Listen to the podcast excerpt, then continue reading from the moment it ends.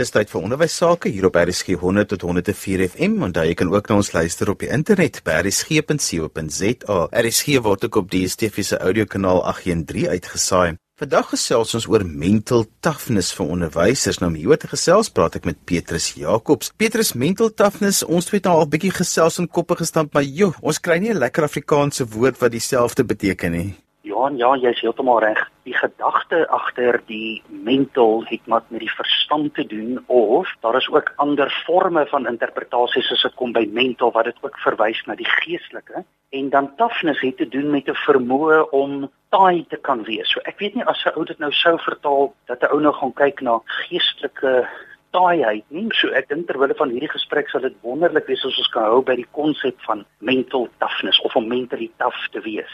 Pieters verduidelik vir my hoekom is dit belangrik vir onderwysers om mentally tough te wees want die onderwysprofessie werk met kinders. Dis mos eintlik veronderstel om 'n beroep te wees waar mense gekoester word wonderlike vraag. Johan, jy's heeltemal reg. Weet jy wat? Dit is beslis 'n beroep waar die kind en dan ons ook die ouers as gevolg van 'n sameloop van omstandighede aan die ouers se kant of die omstandighede waarin ouers hulle self kan bevind. Wil ons hê dat die onderwyser of dan nou die leier in die onderwys dan nie moet nie taaf moet wees met die kind of met die ouer nie, maar mentally taaf. Met ander woorde, ek en jy as mens kan steeds sensitief wees vir die behoeftes van ander mense al is ons mentally tough. Nou wil ek ook 'n ding aanraak en sê dat weet jy wat net dikwels is mense in die onderwys nie sensitief vir ander mense se behoeftes nie omdat hulle self swaar kry en omdat hulle self deur moeilike tye gaan. En dan het jy nie noodwendig daardie spasie in jou kop om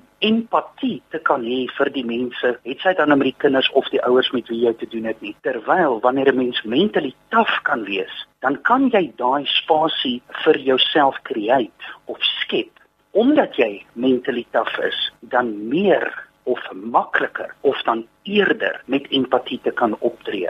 So as jy vir my sê ons moet die kinders koester, baie beslis en ek uit persoonlike ondervinding uit en dan natuurlik nou ook as gevolg van die kringe waarin ek beweeg, kom agter dat daardie onderwysers wat mentally taaf is, vind dit in 'n baie groot mate Johan makliker om te kan koester of om empatie te kan hê juis omdat hulle mentally taaf is.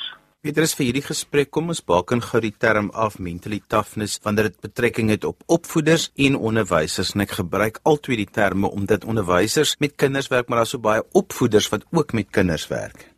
Weet jy wat ek en jy as mens of dan nou die opvoeder en of die onderwyser moet oor die vermoë beskik en die wonderlike ding Johan is dat dit 'n vaardigheid is wat ons kan ontwikkel. Met ander woorde dis iets waarmee ons beter kan word. Is om met die nodige selfvertroue te kan herstel of te kan terugkeer na jou ware menswees nadat jy deur 'n moeilike ervaring was. Want dit gebeur dikwels in die onderwys.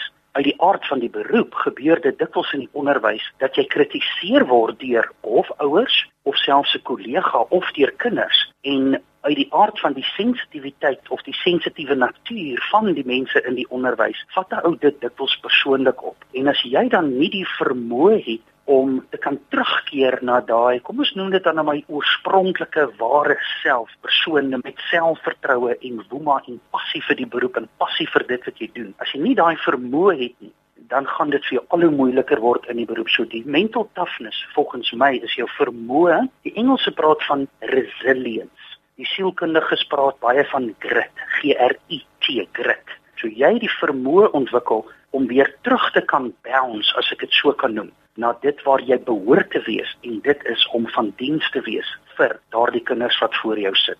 Petrus, maar die realiteit is is dat mense wat vir lang tye onder kritiek deurloop, hierdie ondermyning van hulle mental toughness gebeur nie oornag nie. Dit is 'n langsame proses. Dis 'n proses wat oor jare kom, miskien van moeilike bestuur of moeilike ouers of moeilike omstandighede by die huis en mense kom uiteindelik self baie keer agter as dit amper te laat is. Jy's heeltemal reg, Johan. Ongelukkig gebeur dit dikwels dat 'n mens, jy weet, wanneer jy nou self jy weet deur 'n krisistyd gaan dat jy dan besef eintlik was dit maar beter dat ek mentally taaf moes wees. Maar uit die aard van die saak is daar baie luisteraars wat nou besef weet jy wat ek is nie noodwendig so mentally taaf soos wat ek dink ek kan wees of sou wou wees nie. En ons as mens en ek sê dit nou in aanhalingstekens ons moet juis in die goeie tye ons mental toughness ontwikkel juis sodat ons dan 'n mate van mentaliteit is wanneer ons deur daardie moeilike tye gaan. En wanneer ek nou praat van moeilike tye, praat ek nie van 'n seisoen in jou lewe nie. Ek praat van waar jy met 'n ouer aand gekritiseer is deur 'n ouer wat jou karakter ingeklim het en nou voel jy totaal en al van jou troontjie af of jy's heeltemal van koers af in terme van waar jy veronderstel is om te wees met die res van die ouers met wie jy afspraak het. So jy so ontstel dat die vreugde wat jy kon hê of die bydrae wat jy kon lewer vir die res van die ouers vir die res van daardie ouer aan word eintlik nou beroof omdat 'n ouer jou ontstel het. So daai ek praat van sulke tipe van scenario's wat ons mental toughness toets as ek dit dan nou so kan noem. So ja, ons moet in die beter tye, in die goeie tye of wanneer daai tipe van uitdagings nie so intens is nie, moet ons dan die vermoë ontwikkel, die vaardigheid ontwikkel om onsself mentally tough te kan maak, juis sodat dit jou in daai tye handig te pas kan kom. Petrus, kom ons praat dan juis, wat is die dinge wat 'n mens moet doen om jou as opvoeder of onderwyser mentally tough te maak? Wat kan ek doen en wat is die proses en help ons so 'n bietjie? Ja, 'n goeie vraag, goeie vraag, baie baie dankie. Weet jy en absoluut in geen volgorde van belangrikheid nie want daar is sekerlik 'n hele dag se tegnieke of se idees wat 'n mens met die luisteraars kan deel. Ek wil begin met iets wat ek nou nogal na aan my lyf ervaar. En dit is dat en in my skoonpa het ook dikwels gepraat oor die volgende. En hy het gesê dat jy moenie jou eie lewe vergelyk met die van ander nie want dit is daai tipe van ding van die gras is groener aan die ander kant. Jy weet, dit sal beter wees as dit of ja, maar kyk hoe lekker kry daai mense of kyk hoe lekker lewe daardie mense. En Johan, Facebook is nou ongelukkig so wonderlik soos wat Facebook is of kan wees, dra ongelukkig daartoe by dat ons, wanneer ons nou ons Facebook vriende, ek is nou nie heeltemal seker of dit regte vriende is of dit nou net Facebook vriende is nie, maar wanneer ons sien hoe ander mense leef, dan kry ons dikwels onwetend die verkeerde persepsie van dit gaan so goed met ander mense en tog gaan dit so sleg met ons. En daai tipe van vergelyking moet ons weet, ons gaan altyd tekortskiet. Want Johan, wanneer ons ons eie lewe vergelyk met die lewens van ander, dan moet ons verstaan, ons vergelyk alles wat ons van onsself weet, die goed en die sleg en al die skandes en al jou skuldgevoelens. Ons vergelyk die ware menswees van myself, vergelyk ek met 'n prentjie van ander mense se lewens, blote persepsie wat ons het van ander mense se lewens. Ons, wanneer ons ons eie lewens vergelyk met die van ander mense, wat ons doen eintlik is ons vergelyk die naakte ware self met die prentjie mooi, pragtige, idilliese idee van wat ons het van ander mense se lewens. So Johan, ons vergelyk nie appels met appels en vir so lank as wat ek en jy as mens ons lewens gaan vergelyk met ander mense se lewens, sal ons altyd tekortskiet. So jy doen jouself 'n groot onreg aan wanneer ons onsself en ons lewe, die tipe lewe wat ek leef, vergelyk met die van ander mense se lewens. So, wat ek sê is, ons kan nie ophou om te vergelyk nie, want dit is menslike natuur. Ek wil hê die luisteraars moet verstaan dat daardie vergelyking is dikwels wat lei tot jou ontevredenheid. Met ander woorde, wanneer ons vergelyk, kry ons dikwels 'n gevoel of ervaar ons beslis nie dankbaarheid nie. En nou praat ek oor die algemeen. Wanneer ek my lewe vergelyk met die lewe van die ander supersterre daar buite, dan dink ek, "Joe, maar ek is nou nie 'n superster nie." Jy weet, en hoekom is hulle nou so gelukkig en hoekom het hulle soveel voorreg? Daai tipe van mental paadjie wat jy dan nou gaan, veroorsaak ondankbaarheid aan jou kant en dis daardie ondankbaarheid wat dan eintlik 'n vrot iets word in jou menswees en waar dit begin deur jou lewe te vergelyk met ander mense se lewens. So daarom moet ons ophou om dit te doen alhoewel dit menslike natuur is, moet ons bewus wees van die moontlike nadele van wanneer ons die hele tyd ons lewens met die van ander mense vergelyk. Ons gesels vandag oor mental toughness vir onderwysers en opvoeders en my gas is Petrus Jacobs. Petrus, jy het nou so mooi gepraat oor die dinge waarvoor mense en dat mense moet reg kyk na jou lewe in die eerste gedeelte van vandag se program en dat jy nie heeltyd jouself moet vergelyk met ander mense of jou skool met ander skole nie of jou met jou kollegas. Na jouself sal kyk en dat dit 'n belangrike stap is in mental toughness. Wat is daar nog wat belangrik is? Sonder om dit te laat klink asof dit nou 'n een eenvoudige resep is, is die waarde van selfvertroue van kardinale belang. Nou, wanneer 'n mens die woord selfvertroue gebruik, dan is dit presies dit wat dit sê. En dit is jou vertroue wat jy het in jouself en in jou vermoë om sekere dinge te kan doen. Nou daar is 'n baie definitiewe lyn of 'n definitiewe verhouding tussen jou vermoë om dinge te kan doen en jou selfvertroue. Met ander woorde, as jy byvoorbeeld by 'n nuwe vakgebied is en jy's nou nie heeltemal so seker van jou kennis rondom 'n bepaalde vakgebied nie, dan gaan dit noodwendige impak hê of dan 'n negatiewe impak hê op jou selfvertroue wanneer jy dan nou met daai kinders kommunikeer oor hierdie bepaalde vakgebied. So wanneer jy dan jou mental toughness wil verbeter of verhoog of versterk, dan sal ek voorstel dat jy as onderwyser, jy as opvoeder seker maak en dit is ook 'n pad op sy eie. Dit is ook deel van 'n reis. Maak seker dat jy 'n kenner is op jou vakgebied. Want wanneer jy dan 'n kenner is op jou vakgebied, dan het dit noodwendig 'n positiewe impak op jou selfvertroue en die positiewe spin-off van selfvertroue is mense luister makliker na jou. Mense luister eerder na jou want Johan ons almal weet dat ons leef eintlik in ontsettende onsekere tye. En wanneer ek en jy in hierdie onsekere wêreld van ons te doen het met mense wat met sekerheid kan praat, Hey, ja, ons is mal oor hulle, ons dink hulle is amazing. so ons soek daai mense wat kan kommunikeer met sekerheid en jy as onderwyser, jy as opvoeder, wanneer jy 'n kenner is op jou gebied, dan kan jy met selfvertroue kommunikeer. Het sy dit is met die kinders of dan nou met die ouers. So nog 'n ding wat jy as onderwyser of opvoeder kan doen, is maak seker jy ken jou vakgebied. En nou wil ek ook sê, dit kan wees want baie onderwysers het byvoorbeeld 2 of 3 of 4 vakke wat hulle moet aanbied. Besluit dan watter een jy, kom ek sê nou maar eerste sou wou bemeester. En onthou ek het nie die woord volmaak gebruik nie. Dit gaan net oor jy moet ontsettend baie weet van jou vakgebied.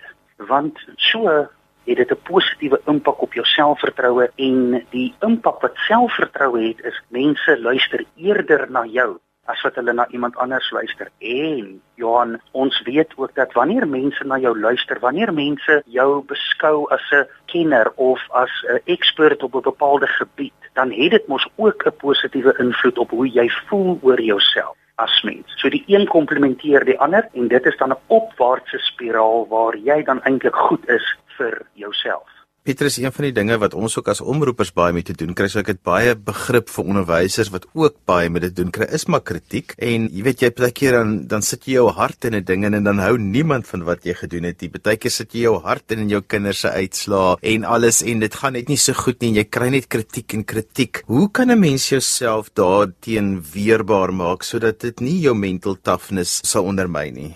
Weet jy wat, dit is 'n uittekende vraag, want weet jy wat, net wanneer en nou kan ek ook uit persoonlike ondervinding uitpraat, dat wanneer 'n mens 'n bepaalde verwagting skep van omdat ek ABC gedoen of gaan doen, ja, gaan die terugvoer ongelooflik wees. So my verwagting is dalk iets wat nie kan uitspeel soos wat ek sou wou hê dit moet wees nie. Met ander woorde, en jy as omroeper doen nou 'n bepaalde iets en jou verwagting is dat die terugvoer, een of ander vorm van terugvoer in watter vorm dit nou ook al mag wees, jou verwagting is dat dit goed ontvang kan word, maar nou gebeur die teendele, mense kritiseer eintlik dit wat jy nou gedink het is magic. So my punt of my wenk lê daarin dat ons dalk moet wegbeweeg van die verwagtinge wat ons stel aan iets wat ons aanpak. Nou goed, ek wil definitief onderskeid tref tussen om 'n doelwit te hê en om die verwagting te hê. Nou om 'n doelwit te hê is soos byvoorbeeld dat jy 'n bepaalde projek gaan aanpak en jy verwag dat daar sukses gaan wees met die projek. Jy doen jou nodige beplanning en elke stap van daardie pad wat jy gaan stap, elke stappie wat jy moet volg ten einde by die sukses van die projek uit te kan kom, is dan deel van jou doelwitte, is deel van jou beplanning. Maar ons moet nie die verwagting hiervan dat omdat daar nou waarskynlik sukses gaan wees dat die mense ons gaan weet toejuig en op die hande gaan dra nie. Want wanneer dit dan nie gebeur nie is die teleurstelling so groot en dikwels so intens dat ons dan dikwels sê weet jy wat ek kan dit nooit weer doen nie want die mense waardeer nie wat ek doen nie. So maak jouself los van die uitkoms van daardie projek of daardie iets wat jy aanpak maak dit sin Johan Dit maak absoluut sin. Iets wat ek ook graag wil hê ons ten einde bietjie moet oorgesels is dat ons is altyd bewus van 'n kollega wat regtig swaar kry en 'n mens wil hulle bietjie help op die pad na herstel. Hoe doen 'n mens dit want die pad na herstel na jou eie mental toughness is nie 'n maklike pad nie en 'n mens het baie keer hulp nodig, maar die een wat die hulp nodig het, gaan nie noodwendig daarvoor vra nie. Ja, ook wyse woorde. Weet jy wat die eerste ding en sonder om nou vreeslik sielkundig of psigologies nou hieroor te dink, wil ek tog net noem dat wanneer enige persoon maar in hierdie spesifieke geval 'n kollega deur 'n baie moeilike tyd gaan en dalk nie so mentalitaaf is soos wat die persoon dalk andersins kon wees nie. Die eerste ding is besef hierdie persoon dat daar is 'n issue, daar is 'n probleem, daar is 'n uitdaging. Want niemand wil hulp hê as hulle dink hulle is oukei okay nie. So die eerste vraag wat ek sou wou aanspreek met hierdie betrokke kollega is: is dinge vir jou soos wat jy dit sou wou hê? En as jou verhouding wat jy het met daardie persoon dan op so 'n plek is dat hulle eerlik sal wees en vir jou sal sê nee, ek cope nie. En as jy dan hoor dat hierdie kollega sê nee, ek cope nie, dan is jou volgende vraag: iets soos byvoorbeeld, wat kan ek vir jou doen net om dit vir jou bietjie makliker te maak, 'n bietjie beter te maak? En daardie persoon gaan nie noodwendig of heel waarskynlik nie op daardie stadium weet wat hulle nodig het nie. Want onthou, hulle koppe, hulle mind space is op daai betrokke stadium in hulle lewe eerder by die probleem en nie by die oplossing nie. So hulle gaan met ander woorde die tipiese paradigma skuif of die kop skuif moet maak om te kan sê goed, indien daar 'n oplossing sou wees, wat sal dit wees? Om met ander woorde jou kollega daardie tipe vrae te vra en te sê, as daar iets is wat ek vir jou kon doen om jou net bietjie beter te laat voel, wat sal dit wees? En dan is geduld 'n baie belangrike ding. jy moet dan geduld hê met die betrokke pad, die reis waarop hierdie persoon op daardie stadium in hulle lewe is en om te weet die feit dat jy hulp aanbied beteken nie hulle gaan die hulp aanvaar nie. Tweedens, die feit dat jy hulp aangebied het, dit beteken nie noodwendig jy weet hulle gaan iets daarmee doen. So jy moet jouself commit en sê, jy weet, weet jy wat, ek is hier vir jou.